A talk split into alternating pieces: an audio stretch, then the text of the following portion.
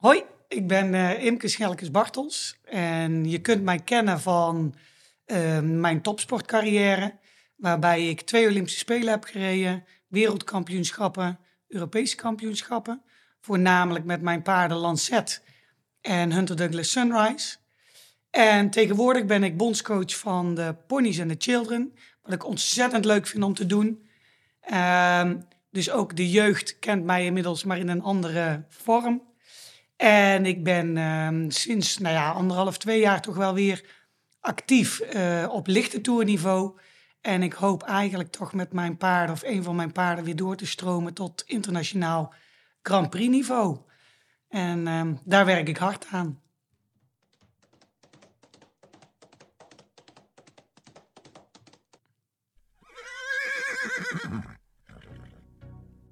Podcast De Tweede Hoefslag. Ja, leuk dat je kijkt of luistert naar weer een nieuwe aflevering van onze podcastserie De Tweede Hoefslag. En uh, we zijn wederom bij de Academie Bartels. Um, nu niet voor Tineke, maar voor Imke. Want um, ja, mensen hadden gereageerd en die dachten van... nou, we willen ook graag Imke een keer uh, aan het woord horen. Dus we zijn nu hier. Uh, leuk dat we er mogen zijn, Imke. Ja, leuk dat jullie er weer zijn. Ja. en leuk dat ik mee mag doen. Ja, hoe is het met je? goed joh, ja. Ja, ik, uh, ja ik, ik, ben, ik ben de regen een beetje beu, dat moet ik wel heel eerlijk zeggen. Ik hou van de zon, dus de tijd van het jaar vind ik, uh, vind ik altijd een beetje... Uh, dat je denkt, nou, moet dit nou? Maar... Komt je vader binnen? Hi pap. ja, gebeurt vaker dat hij inbreekt. Maakt niet uit. Um, nou ja, familiebedrijf. Dus uh, altijd gezelligheid hier. dat scheelt. Ondanks het, het, het, het nare weer. Maar... Um, we zijn uh, ook weer met, uh, met wedstrijden eigenlijk aan de gang. Afgelopen weekend ben ik naar Tolbert geweest met, uh, met twee paarden. Eentje in de wedstrijd en eentje voor de training. Honoré had ik in de lichte tour. En ik mag volgende week op Jumping Amsterdam aan de start komen. Heb ik ontzettend veel zin in. Want dit is voor mij heel lang geleden dat ik, dat ik daar heb kunnen rijden, heb mogen rijden. Ik heb daar lang wel het commentaar gedaan bij de dressuurrubrieken in de hal... Dus ik ben wel altijd betrokken gebleven. Maar ik denk dat het toch een jaar of zes, zeven geleden is dat ik uh, zelf uh, die mooie grote ring heb in mogen rijden. Dus daar kijk ik wel heel erg naar uit. Gaaf, gaaf. Ja. Komen we zeker nog uh, verder toe te sprake. maar we beginnen de podcast altijd met de eerste ontmoeting van jou met een paard. Weet je dat nog? Nee. dat is zo lang geleden. Ehm, nou ja, goed. Ik ben ehm, ongeveer op een paard geboren. Uh, ik ben in de buik van mijn moeder heb ik uh, nog um, nou ja, military gereden. Uh, toen was mijn moeder zwanger van mij. En um, ja, sinds de dag dat ik geboren ben, ben ik tussen de paarden. Dus ik, ik kan me de eerste ontmoeting met een paard niet meer herinneren. Ik kan me wel herinneren dat ik mijn eerste pony kreeg. Dat was een Shetland pony. Toen was ik vier. En of dat die herinnering er nou is, omdat er ook één of twee foto's van zijn. Of dat ik het ook echt zeg maar in mijn herinnering nog, nog, nog weet. Maar uh, dat, dat is wel mijn eerste actieve herinnering aan het, vooral het houden van paarden. Want ik, ik hield enorm veel van die Shetland pony. Um, en daar heb ik heel lang mee gespeeld. Um, terwijl ik ook wel eens op de paarden van mijn moeder zat, ook al van jongs af aan. Maar, maar dat is wel de eerste echte actieve herinnering, is, is mijn Shetland pony die ik nog heb. Ja, Even los van de paarden natuurlijk, want de vorige podcast met Tineke, uh, daar gingen de, de, de honden zowat viraal op internet. Uh, hier, hier, is ook een, een hond, maar dat is niet dezelfde, zei je. Hè? Nou, ik, misschien is, is Willem, Willem is mijn poedel. Uh, en die is wel heel vaak bij de poedels van mijn moeder. Mijn moeder heeft er twee. Ehm, en hij, ehm, hij is wel, nou ja, hij is of bij mijn moeder en, en bij de andere twee poedels of bij mij. Nu is ja. hij bij mij. maar... Um, ja, we hebben dus drie poedels rondlopen. We hebben de, mijn moeder en ik, of mijn ouders en ik, hebben dezelfde liefde voor hetzelfde soort ras. Um, dus ja, wij hebben drie van die grote poedels rondrennen uh, hier op het terrein. Ja, dus die liefde voor dieren, dat, dat zit gewoon helemaal in de familie. Dus het kon bijna niet anders dat jij ook ging paardrijden. Nou, jawel, zeker wel. Want mijn broer is natuurlijk op dezelfde manier opgegroeid als ik. En mijn broer rijdt helemaal niet. Die heeft net wel een blauwe maandag gedaan. Mm -hmm. Maar die had daar uh, eigenlijk helemaal zijn passie niet in. In ieder geval niet in het rijden. Die vond het, het wereldje wel heel leuk. Maar uh, die vond het rijden niet leuk en die heeft ook geen hond. Dus Oh. die, is, die is daarin toch, ja, eh, die, die heeft dat virus zeg maar niet. Ehm, en ik wel. Dus het is niet vanzelfsprekend als je zo opgroeit als ik opgegroeid ben, dat je ook paard rijdt en van honden houdt. Want dat heeft mijn broer eigenlijk helemaal niet. Nee. Daarin zijn wij heel verschillend. Waar is dat vlammetje dan toch overgesprongen met die paarden? Eh, ja, ik, ik denk dat het in je DNA zit. Dat het toch ook wel genetisch bepaald is. En dat dat gen bij mijn broer er gewoon niet, niet ingefokt is, zeg maar. Ehm, ja, en, en dat vlammetje is bij mij altijd geweest. Ik was altijd tussen de paarden te vinden. Eh, als wij een hond hadden en die ging dood, dan huilde ik samen met mijn moeder de hele dag. En mijn broer, die liet geen traan. Dus ergens zit dat er toch in of niet. En dat, ja goed, bij mij heeft het zich optimaal kunnen ontwikkelen. eh, omdat ik natuurlijk die kansen heb gehad en de omgeving had eh, op een stal.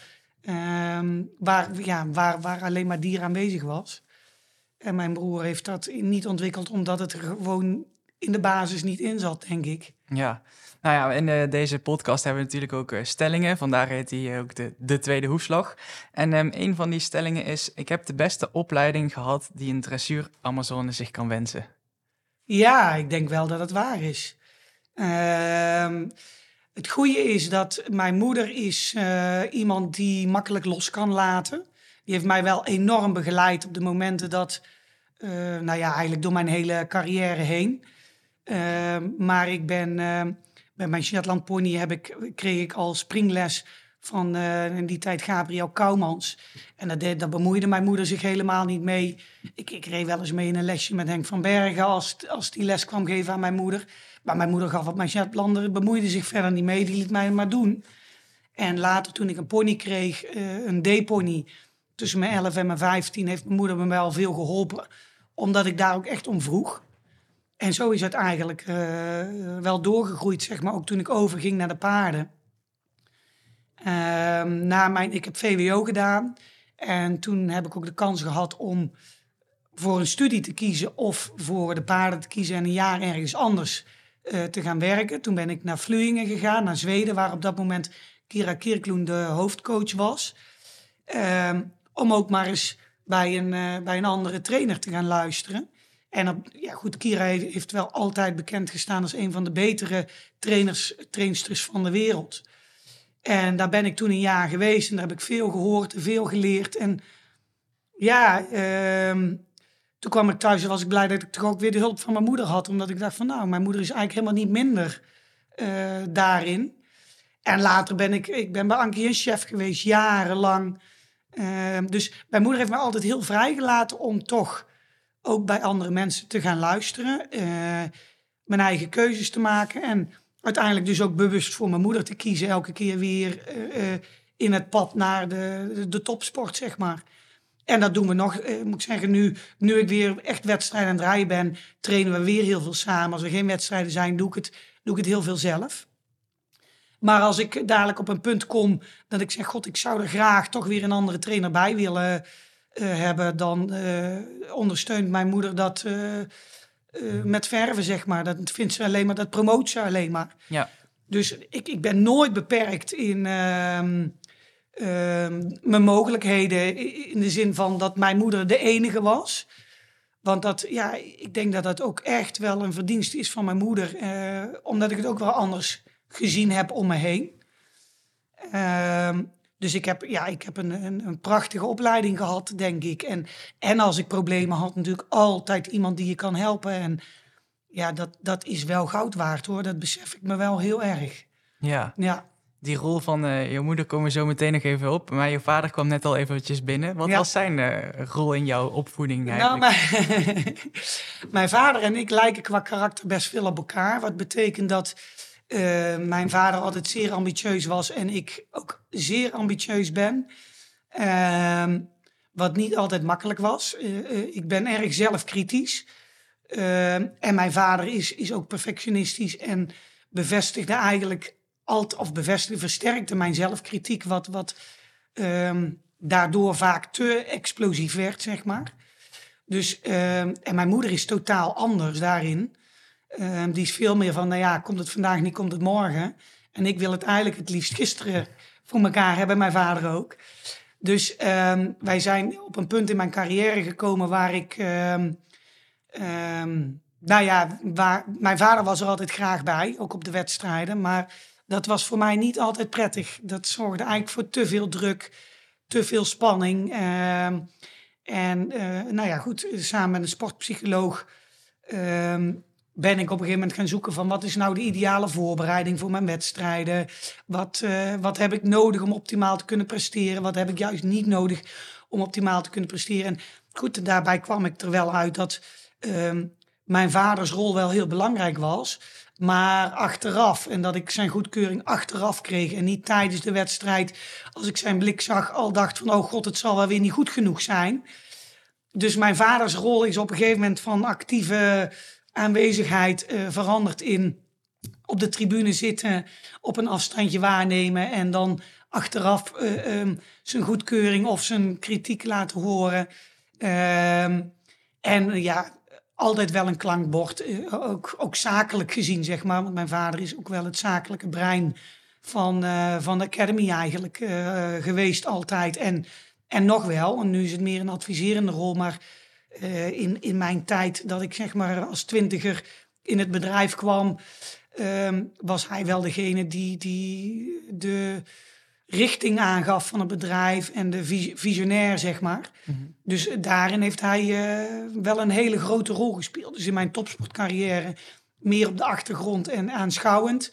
En eh, ja, de zakelijke rol is wel heel groot geweest. Zonder mijn vader had de Academy eh, hier niet gestaan, zeg maar. Nee, nee, zeker. Ja. Wanneer heb je die keuze ongeveer gemaakt in jouw carrière? Dat, dat die eventjes een stapje terug wat dat betreft. Ehm, rond mijn 324ste, denk ik. Omdat ik toen. ehm, eh, nou, toen kwam ik op een punt in mijn carrière dat ik het even allemaal niet meer wist. Dat het te veel werd.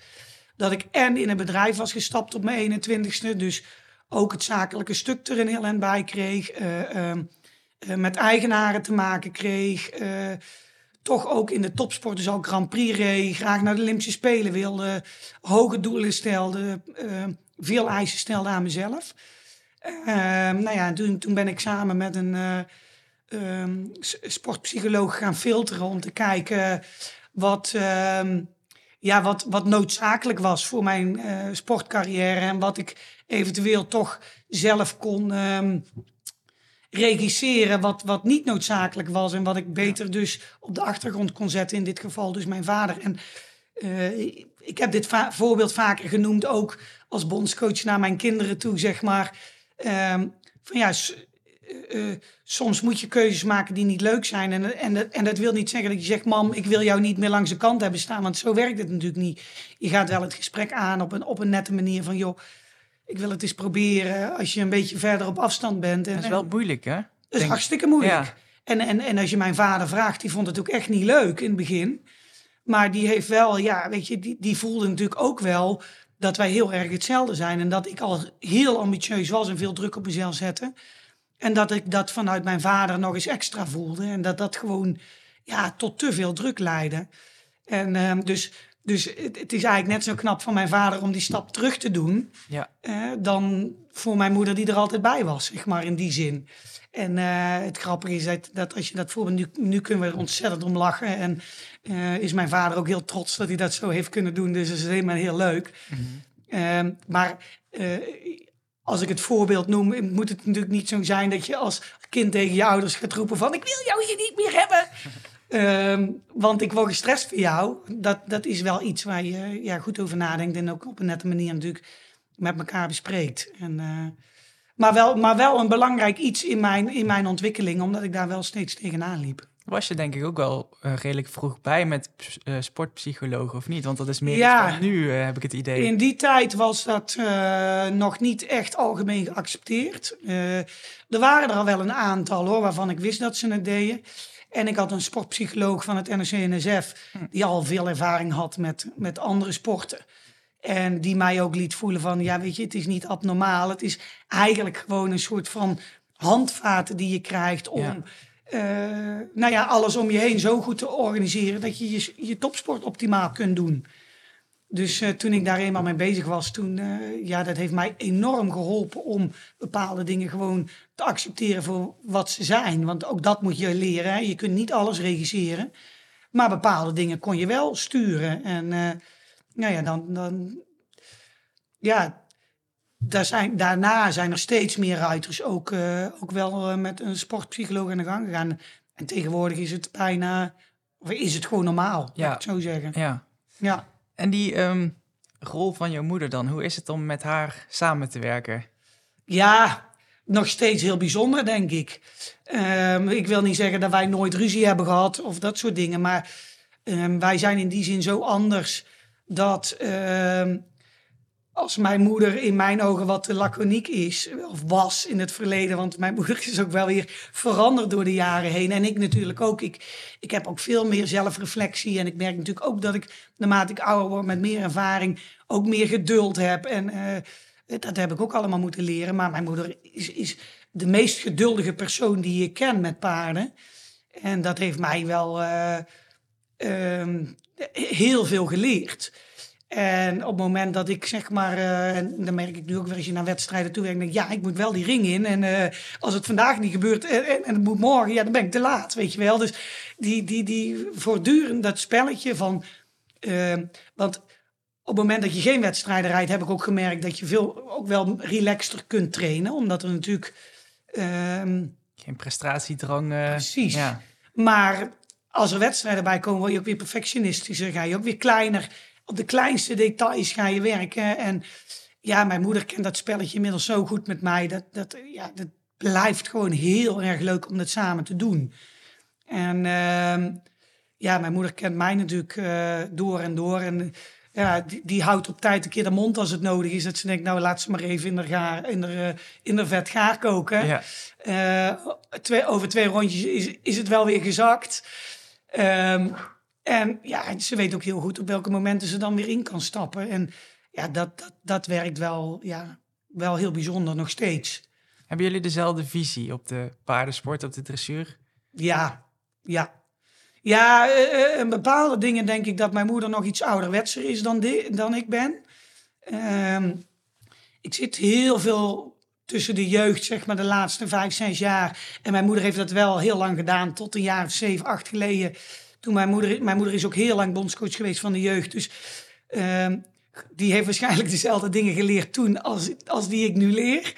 Ehm, maar je ziet ook wel dat de sport ontwikkelt. En je krijgt natuurlijk, eh, eh, nou ja, social media krijg je veel meer mee. Daar zit ik meer in dan mijn moeder. Dus dat, dat doet ook wel wat met eh, de gedachtegang die je bij de ontwikkeling van de sport hebt. Maar wij hebben er samen wel heel veel over. Dus ik denk dat wij voor 90% wel op één lijn zitten met ehm, hoe de visie is op de sport. En, en ehm, ja, het is moeilijk om, om echt zeg maar 10, 20 jaar vooruit te kijken. En daarin merk ik wel dat mijn moeder.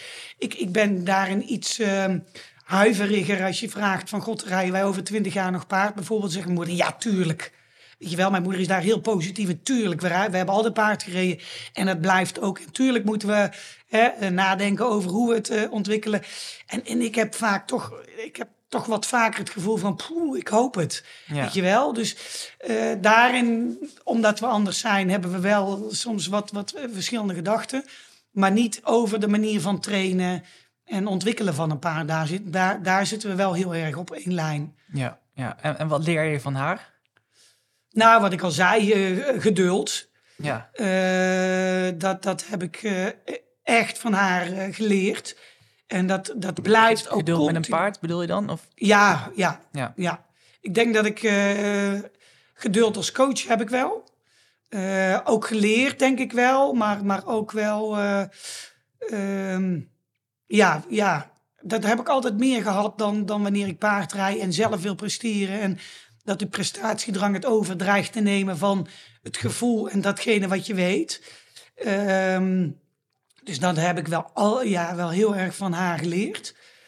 Ehm, en ik leer nog steeds. Dat, dat is het mooie. Mijn moeder rijdt ook nog elke dag twee, drie paarden.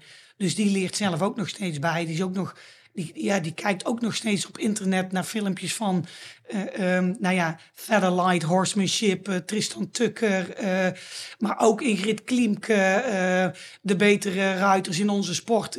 dat kijkt ze allemaal. Dus ook zij leert nog steeds bij. En um, dat, dat implementeert ze ook weer in haar eigen rijerij. En ook in, als ze mij helpt um, in de training. Dus dat stukje blijft wel steeds ontwikkelen. En dat, dat heeft vooral te maken met hoe leert mijn paard. Dat stukje, uh, niet alleen maar sec, de, de, de techniek van het rijden.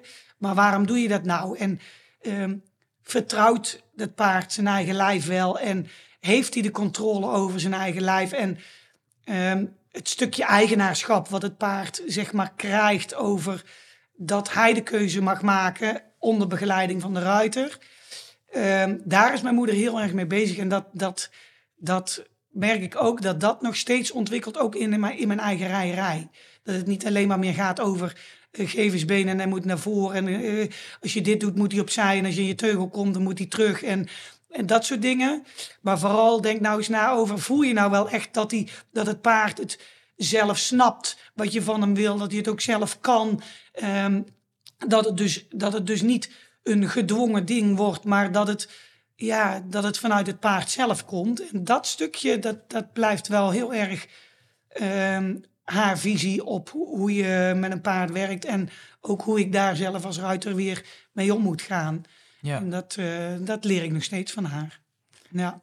Je hebt uh, net al een beetje gezegd inderdaad dat je zelf rijdt, de bondscoach. Um, neem ons even kort mee in jouw agenda. Hoe ziet jouw agenda eruit? Wat doe je allemaal op dit moment? Um, nou, ik heb drie vaste paarden die ik elke dag rijd, die echt zeg maar voor de sport zijn.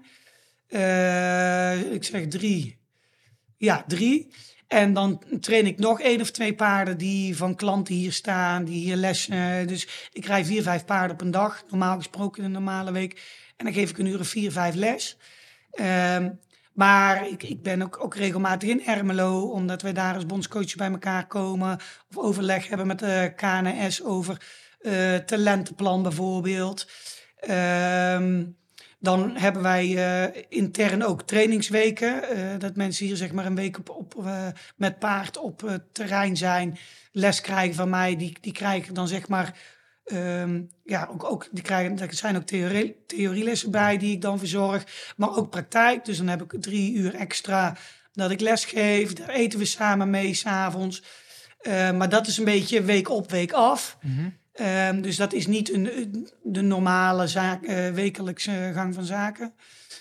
Um, ja, in het bondscoachschap um, geef ik één keer in de twee, drie weken uh, kadertraining aan de, nou ja, de jeugd die geselecteerd is in de kaders. En het zijn er meestal zo rond de 10, zeg maar, gemiddeld 10, 12. Nog even, hoe oud zijn die? Uh, hoe oud die zijn de, de children zijn van 12 tot 14. Mm -hmm. Dat is een groep die, die zijn nog jong, 12 tot 14, maar die zitten op een paard. Een E-pony of een paard. En die rijden ongeveer op Z1-niveau. Um, en de ponyruiters zijn van 12 tot 16. En die zitten op een eh, nou, D-pony in principe en die rijden Z2-niveau. Dus die groep is van 12 tot 16. En um, die begeleid ik dus in kadertrainingen. En vanaf nou ja, zeg maar maart, april beginnen ook echt weer de de wedstrijden, waar, uh, nou ja, observatiewedstrijden, selectiewedstrijden richting de EK's, die dan in de zomer plaatsvinden. Waar ik uh, als bondscoach dan ook uh, eigenlijk wel ja, EK's altijd bij ben. Observatiewedstrijden ben ik altijd bij. Ehm, nou ja, zoveel mogelijk kaderwedstrijden door de zomer heen. Dus daar, ja, dan, dan reis ik ook veel, zeg maar.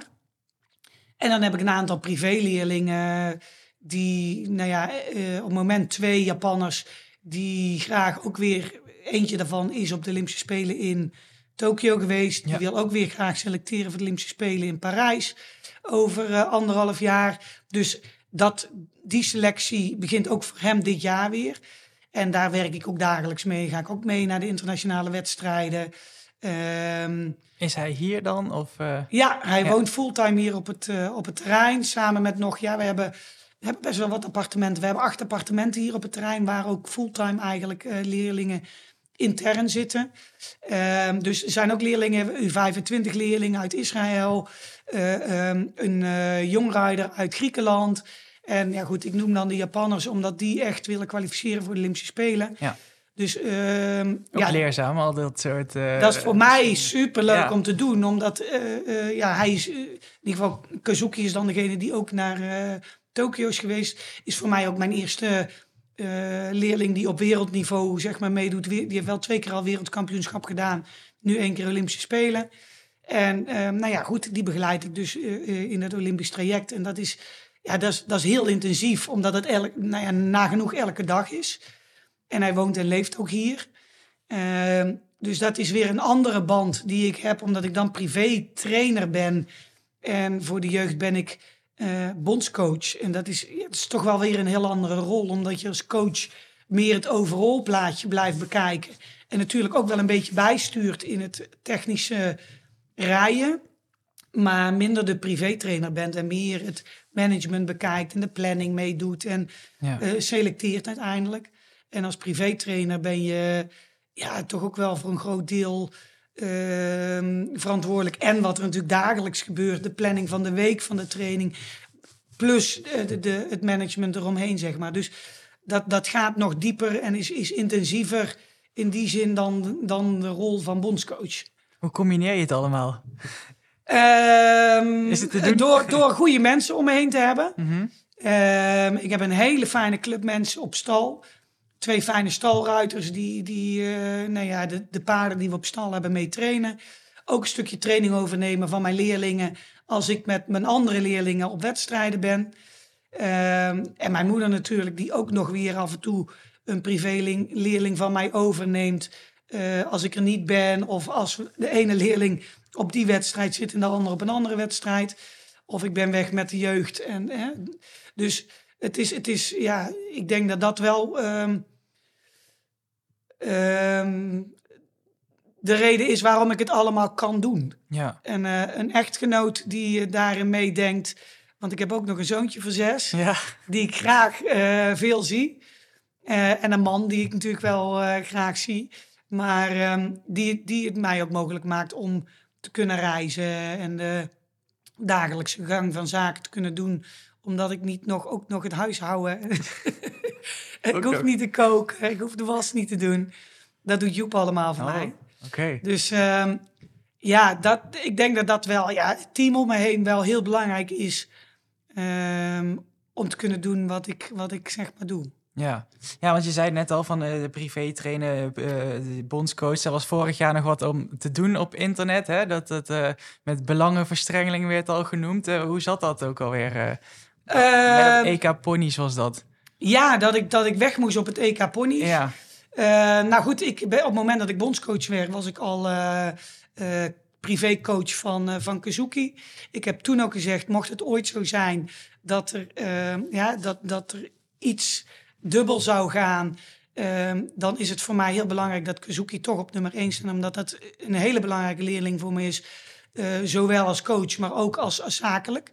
Eh, dus dat heeft altijd open op tafel gelegen bij, eh, bij de KNS. Er is nooit eh, ehm, ja, een discussie over geweest. Is ook eigenlijk nooit voorgevallen in die vijf jaar dat ik nu bo- bondscoach ben. Maar ehm, ja, het afgelopen jaar was het zo dat het EK Ponies dus samenviel met het WK ehm, van, de, ja, van de paarden. de serie, En Kazuki ja. die reed in, eh, in Herning. En ik, ik heb uiteindelijk heb ik, eh, ben ik meegeweest voor de teamwedstrijd van de ponies. En goed gecommuniceerd van tevoren met, eh, met de KNS dat het, eh, ja, dat het samen lag. En dat wist ik ook al een jaar van tevoren. Dus heb ik ook al een jaar van tevoren aangegeven. Ehm, dus ook de kinderen waren op de hoogte dat, dat ik tot en met een landenwedstrijd erbij zou zijn. En daarna heeft Monique Peuts, die ook bondscoach is van de andere, heeft het van mij overgenomen. En dat is top verlopen, want we hadden een zilveren medaille met het team. En ik had ook nog een eh, individuele eh, zilveren medaille met Maddie Dijkshoorn. Dus ehm, misschien nog wel het meest succesvolle EK ooit. En ehm, ja, gewoon goed gecommuniceerd. Dus eh, zo... ehm, Vind je dat dan stom dat daar dan op internet toch nog o- over zo over wordt gesproken? Oh joh, daar kijk ik niet eens naar. Oh. Nee, daar kijk ik naar. Weet je, als ik, het, als ik het naar mijn eer en geweten heb gedaan... Ja, wat je ook doet, mensen lullen toch. Ja. KNS eh, eh, vond het prima. Ik heb het goed met mijn kinderen gecommuniceerd. Eh Kazuki wist ervan, want die kon ik ook van tevoren niet helpen. Maar wel de dag voor de wedstrijd en de wedstrijd zelf. Weet je, als ik, als ik het goed gedaan heb voor de mensen waar ik mee werk... dan ehm, ja, maak ik me niet zo druk over wat er op internet geschreven en gezegd wordt. Dan die drie paarden die je zelf rijdt. Hè? Kun je daar eens wat meer over vertellen? En wat ik vooral natuurlijk wil weten, heb je nog zelf ambities om op het hoogste niveau te gaan rijden? Ja, die ambitie is er zeker. Ehm, nou, op dit moment zijn, eh, is Honoré en Heyu zijn de twee paarden die, ehm, die ik eh, actief op de wedstrijden start. Ehm Honoré is een paard wat, eh, wat ik nu nog lichte tour rij, waar ik afgelopen weekend dan ook mee naar Tolbert ben geweest. En waar ik dit jaar eigenlijk toch de overstap met, naar de Grand Prix wil gaan maken. Volgende week nog een keertje Jumping Amsterdam eh ligt de Tour. En dan ja, is het doel wel om daar ehm, ehm, de overstap, nou, in ieder geval voorlopig dan naar de Inter 2 te maken. Die, die heeft het lang moeilijk gevonden om, de, te piaferen, maar is wel heel steady en sterk in zijn, in zijn wedstrijdmentaliteit. Eh, die is nu 11 jaar, dus die, die heeft echt wel de tijd gehad om te groeien in zijn werk. Ehm, ja, en dat piaferen zit eraan te komen. En dat heeft nog even tijd nodig om echt te settelen. Maar daar heb ik, ja, daar heb ik wel vertrouwen in dat dat, eh, dat, dat nu zeg maar een beetje op korte termijn wel gaat gebeuren. Ehm Heyu heb ik eh, een aantal keer in er twee gestart al. Dus die, ehm, die, ja, die is klaar voor het Grand Prix niveau. En dan heb ik ehm Sezwanna. Sezwanna is een eh, inmiddels ook alweer tienjarige merrie... die ik nu bijna twee jaar in training heb. Die is van mezelf. Ehm, die is dus op latere leeftijd bij mij gekomen. Die andere twee, die heb ik al... eh, ja, Honoré hebben we zelf gefokt. Dus die, die ken ik al sinds Veulentje. En Heyu heb ik als vijfjarige eh, zeg maar onder het zadel gekregen. En Sezwanna is bij mij gekomen toen ze acht was. Dus daarin, ehm, ja, die, die heb ik echt in de training een beetje terug naar de basis moeten laten komen. Dus een zeer getalenteerde Mary, waar ik eh, heel veel geloof in heb. Maar waarin je merkt, omdat ik hem zelf, haar zelf niet opgeleid heb, dat stukje basis nog echt moet settelen. Ehm, en daar hoop ik toch dit jaar lichte tour mee te kunnen gaan starten. Ehm, dus die is al wel tien. Maar ik denk als die basis zit, dat, dat, eh, ja, dat, dat, dat het stukje oefeningen niet, niet eh, het moeilijkste is. Omdat ze echt wel veel aanleg heeft voor, voor eh, Piaf Passage, zeg maar. Dat, dat zit er eigenlijk al wel. Alleen het zit bij haar echt meer in het vertrouwen krijgen in haar eigen lijf. Eh, niet te heet worden op de momenten dat ze even denkt van oeh, moeilijk, moeilijk, moeilijk. Maar eh, balans, basis, ontspanning, dat stukje rechtgericht zijn, daar ben ik nu mee bezig. En als dat echt goed ehm, zit, dan denk ik dat de, de, de wedstrijden, ze is er wel een paar keer mee geweest op wedstrijden. Ze heeft een hele goede mentaliteit. Dus ja, ik, ik denk dat zij wel, ehm, ehm, ja, een van de betere paarden is die ik ooit geweest heb, hè, of die ik ooit gehad heb, durf ik eigenlijk wel te zeggen. Oké, Ik dat hoop dat ik dat-. Ja, het is, is spannend dat ik dat zeg, maar zo voel ik het wel. Ja. En ik moet het ook nog maar waarmaken. Tuurlijk. Ehm, en, en wie weet gaat me dat nooit lukken, omdat dat stukje basis echt wel moeilijk is bij haar. Het is een, eh, een hittepetit, maar als het goed is, is het echt heel goed. En die momenten die ik dan voel in de training, ja, die, die, de- daar word ik elke eh, ochtend voor wakker. Dat ik denk, oh, kan niet wachten om weer eh, op te stappen en daarmee aan de gang te gaan. En dat, dat stukje training alleen al geeft me zoveel voldoening. Dat ik denk, nou, dat komt wel. De luisteraar zal denken, ja, maar we hebben Imke natuurlijk op de Olympische Spelen en alles gezien. Eh, gaat dat dan misschien weer gebeuren? Nou, dat zeg ik niet. Dat zeg ik niet. Maar ik moet wel zeggen, die, die- die- droom is er wel, ja. Weet je, dat is het gekke. eh, nou, ik heb ook wel een periode gedacht van, ik, ik, ik weet ook niet of ik dat echt nog wil. Ehm, ook omdat er weer heel veel druk bij komt krijgen. Je moet presteren. En ik heb ook wel ervaren, dat is het, ook weer het leuke van dat ik een, toch wel een aantal jaren niet op dat niveau heb gereden dat het minstens net zo leuk is om te, om te rijden en te trainen zonder dat die druk erop staat. Want dan heb je veel meer tijd om er ook echt bewust van te genieten. Dan zit je niet in die rollercoaster van wedstrijden en presteren en het moet en het zal. En nu geniet ik gewoon elke dag van ieder klein stapje wat je maakt. Dus ehm, daarin eh, zit ik er niet zozeer om te springen om weer echt ehm, die druk erbij te krijgen. Maar ik merk wel nu ik met Honoré zeg maar ook wel weer eh, een aantal keer internationaal ben geweest. Denk ik, ja, het is ook wel weer heel leuk om in de ring te rijden. En ik vind het ook wel heel leuk om in Jumping Amsterdam die ring weer in te rijden. Dus Dus ja, wie weet waar het toe leidt. ja, Ja. Het, het, het voelt bijna alsof ik weer opnieuw begin. En stapje voor stapje van nationaal naar een keer internationaal, klein internationaal. Weer, toch weer een keer in Jumping Amsterdam in zijn ring naar binnen rijden. Ja, dat, dat, dat, ja, dat leidt misschien wel weer tot, eh, tot, tot meer. Alleen het, het moet wel goed genoeg zijn. Want anders ga ik niet eh, eh, dat, dat, ja, echt dat traject nog een keer in, zeg maar. Nee. Je hebt nu een aardige mening kunnen ontwikkelen, denk ik, over de, de, de toekomst, over de jeugd. De, de jeugd heeft de toekomst natuurlijk. Daarvoor had ik een stelling voor je. Ehm, het niveau van de Nederlandse jeugd moet nog omhoog. Altijd. Ja, tuurlijk, daar gaan we voor. Het niveau is nooit hoog genoeg. Ehm, maar dat neemt niet weg dat ik wel heel trots ben op ehm, de manier van rijden die ik nu zie in, bij de jeugd. Ik denk dat eh, het, het hele welzijnsverhaal, dat dat bij de jeugd eigenlijk al bijna normaal is. Eh, dat daar eh, een, speerpunt zit. Ik bedoel, mijn, mijn moeder heeft daarin een enorme basis gelegd. En, en voor die tijd ook al wel, denk ik hoor. Maar ehm, de jeugd die nu een beetje boven komt drijven, die groeit al op met het, met het besef dat we ehm, met een, onder een vergrootglas liggen. En eh, dat het dus niet, niet meer gaat om wie het meeste spektakel kan maken, maar wie het meest harmonieuze plaatje kan maken met zijn pony of paard. Ehm, en dan nog, zeg maar, een, een, een, mooie proef kan rijden. Dat dat ook echt, en dat, en dat is ook echt zo, ehm, beloond wordt op de wedstrijden bij de jeugd. Dus daarin zit, eh, ja, zij groeien op met dat stukje besef, denk ik. Ehm, en daar doe ik ook heel erg mijn best voor, samen met eh, Monique Peuts, die ook eh, bondscoach is nu inmiddels. Want Monique heeft, is bondscoach geweest tussen mijn moeder in, eh, tussen mijn moeder en mij in, zeg maar. Dus heeft ook al een aantal jaren dat stukje eh, verder doorontwikkeld bij de jeugd. En doet dat nu bij de junioren, jongrijders en de U25 groep. En wij zitten daarin wel heel erg op één lijn, denk ik. En dat is, dat is heel erg leuk om dat met elkaar te doen. Dat je die groep van 12 tot 25 ehm, toch wel in, in dat besef van het gaat over harmonie. eh, het gaat over de toekomst van de sport die we met z'n allen moeten, moeten bewaken. En als ik dan kijk hoe die, hoe die, nou ja, ik noem het dan nog altijd wel mijn kids zitten te rijden, maar later ook weer doorstromen naar Monique, dan ben ik wel heel trots.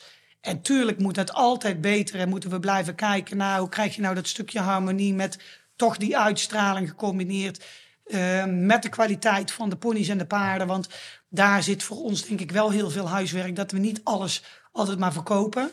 Ehm, want we blijven een handelsland en we hebben echt heel veel goed materiaal. Eh, maar er verdwijnt ook heel veel goed materiaal naar het buitenland, eh, qua paarden, zeg maar. Maar kunnen we dat voorkomen? Ehm, kunnen we het voorkomen? Nee, want eh, ik denk ook dat, dat iedereen het realisme heeft dat uiteindelijk moet je ook de kost verdienen in de paarden. Ehm, en we zijn ook voor een groot deel dan afhankelijk van, eh, nou ja, in de, in, de, in de latere sport van eigenaren.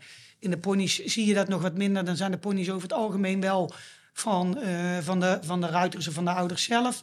Maar ook daar zitten al eigenaren die ponies ter beschikking stellen.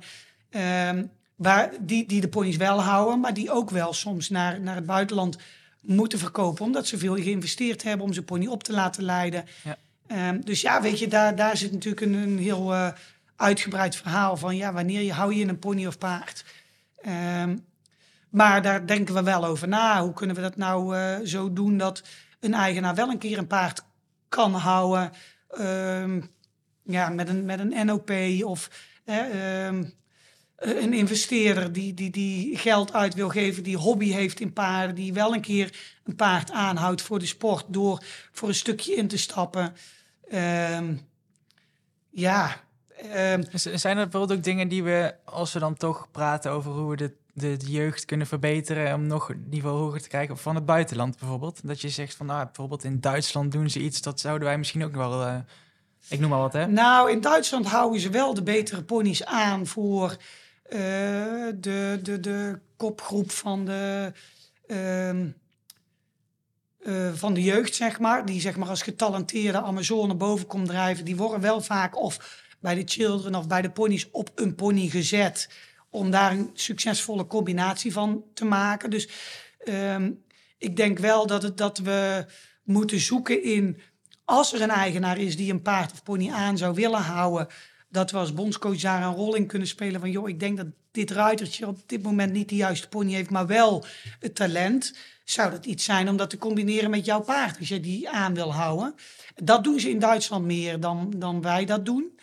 Ehm, plus dat we zuinig moeten zijn, denk ik, op de mensen die we hebben die ehm, willen sponsoren in de sport. En dat is niet zozeer onze rol, maar ook denk ik wel een grote rol voor de KNS. Uh, die zijn er ook wel ook al actief mee bezig. Maar dat uiteindelijk moet dat plaatje wel sluitend zijn. Dat je en een getalenteerde ruiter kunt plaatsen bij een getalenteerde pony of paard. op welk, welk niveau dan ook.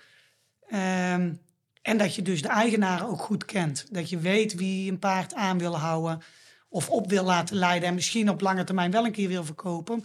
Maar dat je dan al wel een keer dat traject kunt doorlopen van junior, jongrijder, U25. En dat die dan een keer verkocht wordt. Maar dan heb je in ieder geval die jaren al uh, meegenomen, zeg maar. Dus daar zijn we wel heel veel over in gesprek met elkaar, met de bond en de bondscoaches. En uh, ja, toch ook wel proberen de eigenaren te polsen van willen jullie het paard of pony aanhouden? Ja, net noemde je al een beetje van de jeugd heeft best wel besef van dat paardenwelzijn. Um, daarin kun jij ze misschien een beetje sturen. Want je zegt ook in het begin van dit gesprek van... ja, ik weet niet of we dan misschien over twintig jaar nog wel paardrijden. Hè? Dat, dat je daar wel over nadenkt. Hoe, um, wat geef jij die kinderen mee op het gebied van paardenwelzijn? Um, nou, dat een paard niet alleen maar is om uh, succes mee te halen in de sport... maar dat het vooral erom gaat dat je het paard als individu uh, leert kennen. Dat je weet hoe een paard in elkaar zit. Dat, je ook, dat ik ze al meegeef van hoe leert mijn paard nou en waarom doet hij nou eigenlijk zo. En uh, dat op het moment dat je een beetje weet hoe, hoe zo'n pony uh, functioneert, dat je daar anders op reageert dan wanneer je het alleen maar ziet als middel om succes te halen. en dat je juist door als je zo uh, je pony benadert en um, weet hoe je dingen van hem kunt vragen, dat je daardoor een, mooiere combinatie wordt. In plaats van dat je zegt, ja, maar ik moet bij A binnenkomen, op X halt houden, wegdraven en daar een zo goed mogelijk punt voor halen. Um, dus, dus ook een beetje een, een, een, ja, een manier van denken. En tuurlijk rijden al die kinderen rijden pony omdat ze van ponies houden. En omdat ze begonnen zijn um, met, met, met nou, als pennymeisje eh, op een strobaal in de stal zitten. Maar op een gegeven moment komt er natuurlijk een omslagpunt dat ze moeten willen presteren. Want er zit natuurlijk ook wel bij die kinderen die um, van ponies houden, toch ook wel succes willen hebben. Maar dat die pony niet, uh, um, zeg maar, um, uh, het, het, hoe zeg je dat, het middel. Maar dat, dat je dat niet afdwingt door je pony dat te laten doen. Maar dat dat gaat om dat je de liefde die je hebt blijft hanteren in de manier waarop je treedt. Ja, het is geen machine. Het is geen machine, het is geen fiets. Uh, als je het een keer een dag niet goed doet, ligt het dan aan je pony of ligt het dan aan jou? Zelfreflectie bijbrengen, uh, maar ook de handvaten geven als ze het een keer niet weten. Want dat weet ik van mezelf ook. Weet je, je raakt gefrustreerd omdat je nog lang niet alles weet op die leeftijd. Dus uh, ze moeten natuurlijk ook de juiste handvaten krijgen om dan te weten, ja, maar hoe doe ik dat dan? Niet mhm. alleen maar roepen van dit is niet goed, maar hoe moet je dat dan wel doen? En hoe kan je daar dan wel over nadenken? En ja, dat, dat, en, en, en dat gaat niet zonder vallen en opstaan. He, dat, dat, je maakt altijd fouten bij de opleiding van een paard of pony. Uh, als je daar dan maar van leert. En als je dat dan ook maar opslaat van oké, nou ja, dit werkte dus niet. Dus moet ik het de volgende keer anders doen. Want is die kennis en die, die opleiding van de jeugd, en dan heb ik niet per se over die, de kaderleden, maar is die voldoende, vind je? Nee. Nee, die kan zeker beter. Uh, ik denk dat dat uh, in de opleidingen... Kijk, vroeger hadden we natuurlijk deurnen, maar ja, daar kon je ook pas naartoe als je voortgezet onderwijs had gedaan. Hè? Dus als je van de MAVO of de HAVO of afkwam, dan, dan kon je als je het paardenvak in wilde naar deurnen. Um, er zijn wel verschillende, denk ik wel, goede opleidingen, maar niemand weet echt waar ze naartoe kunnen, omdat er niet één instituut is waar uh, uh, een eenduidig beleid is over hoe, hoe, Zo moet het. Zo moet het. Ja. Ja. Dus, en ik denk dat de hele sector daar ook zoekende naar is. Eh, ook de opleidingen zelf. Ehm, en dat, daarin moet denk ik meer structuur komen, meer duidelijkheid. Er zijn heel veel kinderen die inderdaad aan mij vragen van... God, eh, die komen dan van school, hebben een examen gehaald op hun 5, 16e, 17e... en die willen dan meer gaan leren over paarden of het paardenvak in. Waar moeten ze dan naartoe? Ik weet het niet. Ik weet het oprecht niet. Ehm, en ja, dat, dat vind ik wel zorgelijk. Dus daar zit wel echt wel veel huiswerk, denk ik, voor onze sector... om dat stukje opleiding eh, goed te doen. En nou, naar wie moeten we dan kijken? Moeten we dan naar de KNS kijken? Of? Eh, ja, god, het liefst overkoepelend. Dat je dat samen met KNS, FNRS, de opleidingen zelf, dat, dat we daar dus een, een- een, een beeld in krijgen van hoe kunnen we dat nou samenbrengen. En, en daar wordt wel aan gewerkt en er is wel contact, maar ja, er is nog niet één duidelijk, ehm, ehm, nou ja, hoe noem je dat, eh, persoon of stichting of die daarover gaat. En dat, eh, Het is een beetje van eigenlijk de hele wereld weet dat we moeten gaan verduurzamen. Mm. Maar, hoe en Ja, wanneer en wat? ja, ja, en dat is natuurlijk het allermoeilijkste om dat bij elkaar te brengen. ja, De behoeften en dan de structurering en wie is er verantwoordelijk voor en wie wil met wie samenwerken. En ehm, ja, en dat vind ik ook moeilijk, want als je mij vraagt hoe. eh, mijn vader was daar heel goed in. Mijn vader was echt wel wat dat betreft een visionair en die had echt wel een overkoepelende gedachte over dingen. En die bracht partijen samen. En eh, ik moet heel eerlijk zeggen, ik, ik, ik heb te veel werk, dagelijks werk, om dat stukje overkoepelende visie echt goed te zien. Maar, maar ehm, we hebben wel iemand nodig die dat wel ziet. En, en, eh, hij zou het niet willen. Nee, mijn vader is, staat er nu inmiddels wel te ver buiten, denk ik. Die doet nog wel dingen waar hij zich mee be- bezighoudt binnen de sector. Ehm, wat, wat ook wel voornamelijk eh, ook weer, weer met welzijn te maken heeft.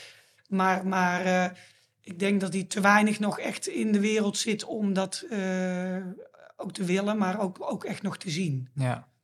We gaan richting het einde van de podcast. Maar ik wil toch nog eventjes iets aanstippen. En natuurlijk de andere Joep, jouw man Joep. Kan hij een beetje koken?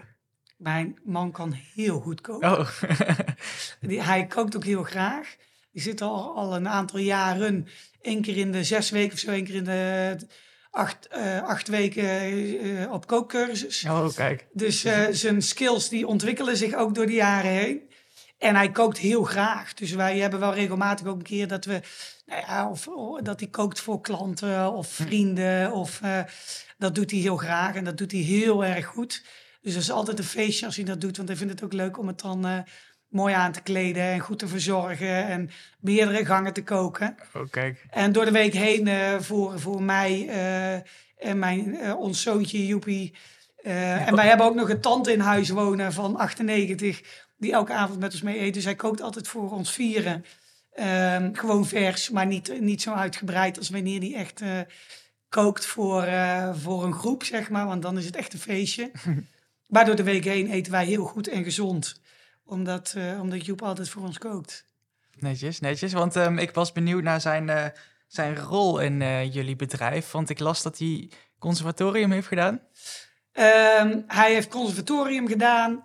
Ehm, Hij... Niet iets met paarden. nee, zijn passie was muziek. Ja, Maar hij kwam er al gauw genoeg achter dat hij ook op het conservatorium... dat hij net niet goed genoeg was om in de muziekwereld zijn eh kost te verdienen. Ehm, dus ehm, heeft hij zich eh, laten omscholen, heeft hij de slagervakschool gedaan. En heeft hij heel lang in het, ehm, nou ja, in, in, in het kalfsvlees geze- gezeten, in export van kalfsvlees. Toen ik hem leerde kennen, deed hij dat nog. En ehm, nou ja, aldoende is hij een beetje eh, bij ons half in het bedrijf gekomen en later helemaal in het bedrijf gekomen. En doet voor mij heel veel contacten met eigenaren. Ehm, hij is inmiddels, eh, doet hij samen met eh, eh, Nico Witte, Joop van Uitert en Tim Komans, ehm, doet hij de EDS-veiling. Ehm, die nu, als ik het goed zeg, al op zijn negende jaar zit. Mhm. Al richting een jubileumjaar gaat. Dus zit een beetje daarin ook wat in de handel, aankoop van paarden. En ehm, eh, ja, mij. eigenlijk. Hij heeft vroeger gereden. Hij heeft tot zijn achttiende ook bij de ponyclub gezeten. Dat was dezelfde ponyclub als ik, waar ik bij gereden heb. Alleen ik ben zeven jaar jonger, dus ik heb nooit tegelijkertijd met hem eh, op de ponyclub gezeten. Dus hij heeft wel altijd liefde voor paarden gehad. Toen ik hem leerde kennen, reed hij niet meer. Maar hij vindt het wel heel leuk en hij vindt het een leuke wereld. En hij kan mij daarin ja, heel goed ondersteunen. Ook een beetje in het scouten van paarden. En, en ook met de leerlingen helpen zoeken naar paarden en dat soort dingen. Dus ja, hij zit eh, fulltime in mijn bedrijf. En ehm, ja, toch wel heel erg leuk om dat samen ook, ook zo te doen, zeg maar. Ja, absoluut. En hij reist met mij mee als wij naar het buitenland gaan. Komt hij vaak ook met Joepie. ehm, dat hij zeg maar na school eh, mij achterna komt. Of in de vakanties als ik eh, op de Europe- Europese kampioenschappen zit. Komt hij een paar dagen over. Dat ik niet eh, de hele week alleen zit. Maar dat ze dan met z'n tweeën toch even een paar dagen komen. Dus dat is wel heel erg leuk dat we Ja. dat eh, zo samen kunnen doen. Het kon natuurlijk ook niet anders dat jullie zoon ook Joep heet dan. Nee, ja, mijn vader heet Joep. Mijn man heet Joep. En nou heet mijn kind ook Joep. Ehm, dus dat is Of was het niet jouw keuze? Ja, zeker wel. Want ik vind het en een hele leuke naam. En ik, ehm, nou ja, ik moet heel eerlijk zeggen, ik wist niet toen ik zwanger was, dat ik zwanger was van een, eh, van een jongetje. Ehm, Joep wist het wel. Ehm, dus we hebben met z'n tweeën, ik wilde het niet weten, een, een jongensnaam en een meisjesnaam eigenlijk bedacht. Maar ik kreeg gedurende het proces al sterk het gevoel dat het een meisje zou worden. Dus we hebben het eigenlijk alleen maar over een meisje gehad een meisjesnaam gehad. En toen werd hij geboren. Toen dacht ik, oh shit, het is een jongetje. Eh, eh, eh, we hadden die en die en die naam. Ja, eh, nou ja, doe maar Joep dan.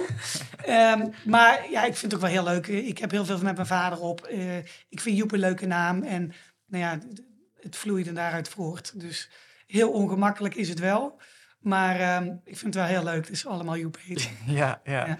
Als we tot slot gaan kijken naar de toekomst. ehm, hoe ziet jouw ideale dressuurpaard er dan uit? Poeh. Ja. Is dat heel anders dan nu bijvoorbeeld? Of dan nou, 20 jaar nee, ik geleden? zie wel af en toe wel een paard waarvan ik denk, ja, kan dat überhaupt nog beter?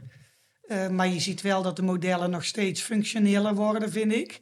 Ehm, ik, ik, ik vind, ja, ik heb afgelopen weekend, daarom zit dat nu vers op mijn netvlies, eh, ehm, Jameson RS2 weer gezien. Ik vind dat een machtig mooi model.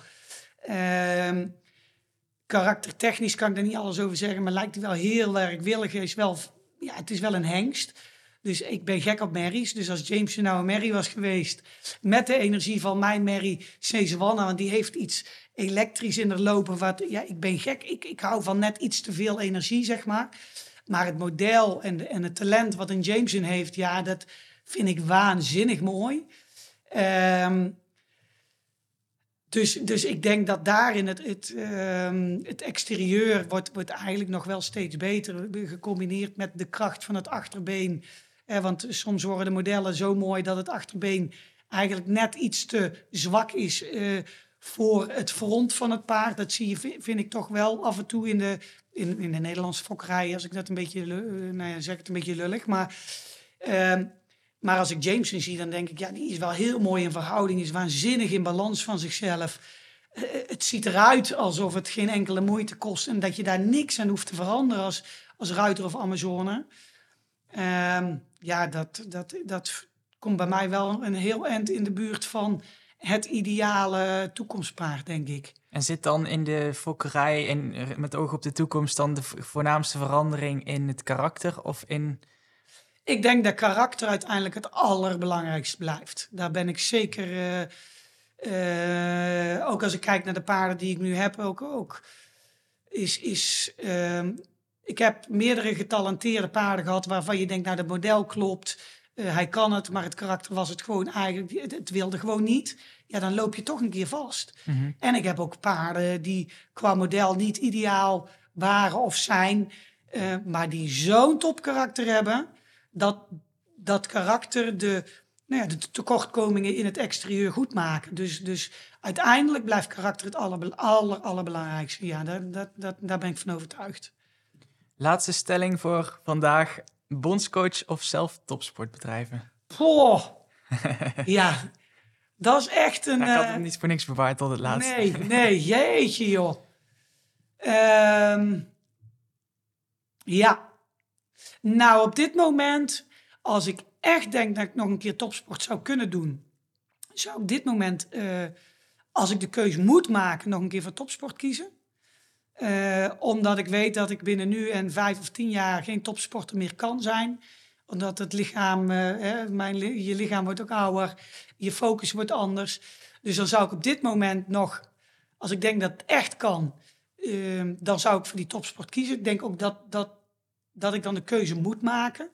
Eh, omdat je dan toch nog meer moet focussen op jezelf, op je eigen planning. En niet je bedoelt, het valt niet te combineren. Nee, want dan moet je wel een planning kunnen maken die bij jou en je paard past. eh, Ja. en, en, en bij de carrière die, of eh, het doel wat je voor ogen hebt. Nu pas ik mijn wedstrijden aan aan het bondscoachschap en aan mijn privéleerlingen. Eh, maar als ik dadelijk vijf of, of nou ja, zeg tussen de vijf en de tien jaar verder ben, dan kies ik zeer zeker voor bondscoach. Want ik vind dat een, een, een geweldig leuk vak om te doen. En daar hoop ik wel nog wat jaren in te mogen doorgaan, zeg maar. Dus als ik wat ouder ben, dan eh, wil ik dat zeker graag blijven doen, ja. Ja. Maar dat is moeilijk om dat eh, te combineren en de juiste keuze ma- te maken op het, eh, op het moment. En je kunt natuurlijk ook niet, je bent ook afhankelijk van de KNS en van de jeugd en of ze je nog willen en bla bla bla. Dus ehm, ja, je, je, het is een luxe als je de keus kunt maken, maar je bent ook afhankelijk van de partijen om je heen natuurlijk. Ja, absoluut.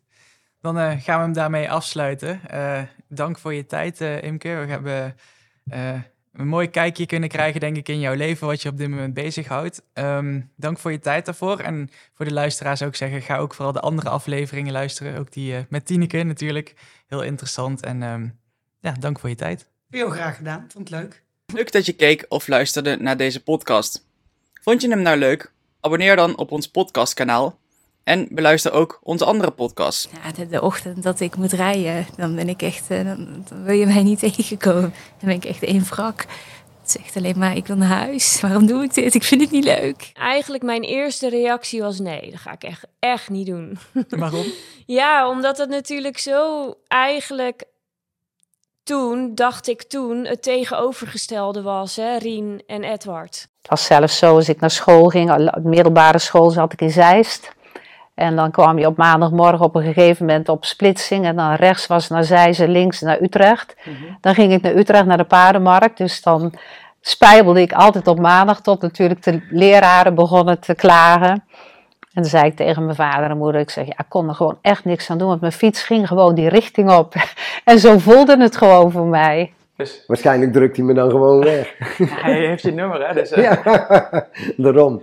Zo gauw die eh, mijn nummer ziet, dan is het eh, weg dat ding. ja. Blijf je tot je 65ste doen wat je al 20 jaar gedaan hebt. Want ik zit al 20 jaar in dit bedrijf, bij wijze van spreken. Nou, volgens mij eh, Dit is een ander hoor. willen de honden wat meer aandacht. Snap je wel dat die regel er zeg maar is? Of? Nee, Nee. echt totaal niet. Ik heb een keer met de KNS gebeld. Maar ik denk dat wij als hele paardenwereld wel heel erg op moeten letten dat we de buitenwereld niet laten dicteren wat wij doen. Maar als ik het gevoel heb, dat is het goede dat je dat zegt. Als ik het gevoel heb, nou ben ik hier aangenomen als bondscoach en ik fungeer alleen maar als chef de keeper, mag ze rondrijden naar het hotel en terug en ik ja, of organiseer. Nee, nee, dat is, dat is niet, dat, niks is met te min hoor, maar dat is mijn, dat is mijn ambitie niet. Ik hoop dat ik je zo een beetje heb kunnen laten zien waar ik mee bezig ben en wat ik allemaal doe in het leven. En eh, ik hoop dat je het leuk vond om eh, te luisteren. In ieder geval hartstikke bedankt voor het luisteren en wie weet tot ziens. Bedankt voor het kijken of luisteren. Ja. Doei! Thanks.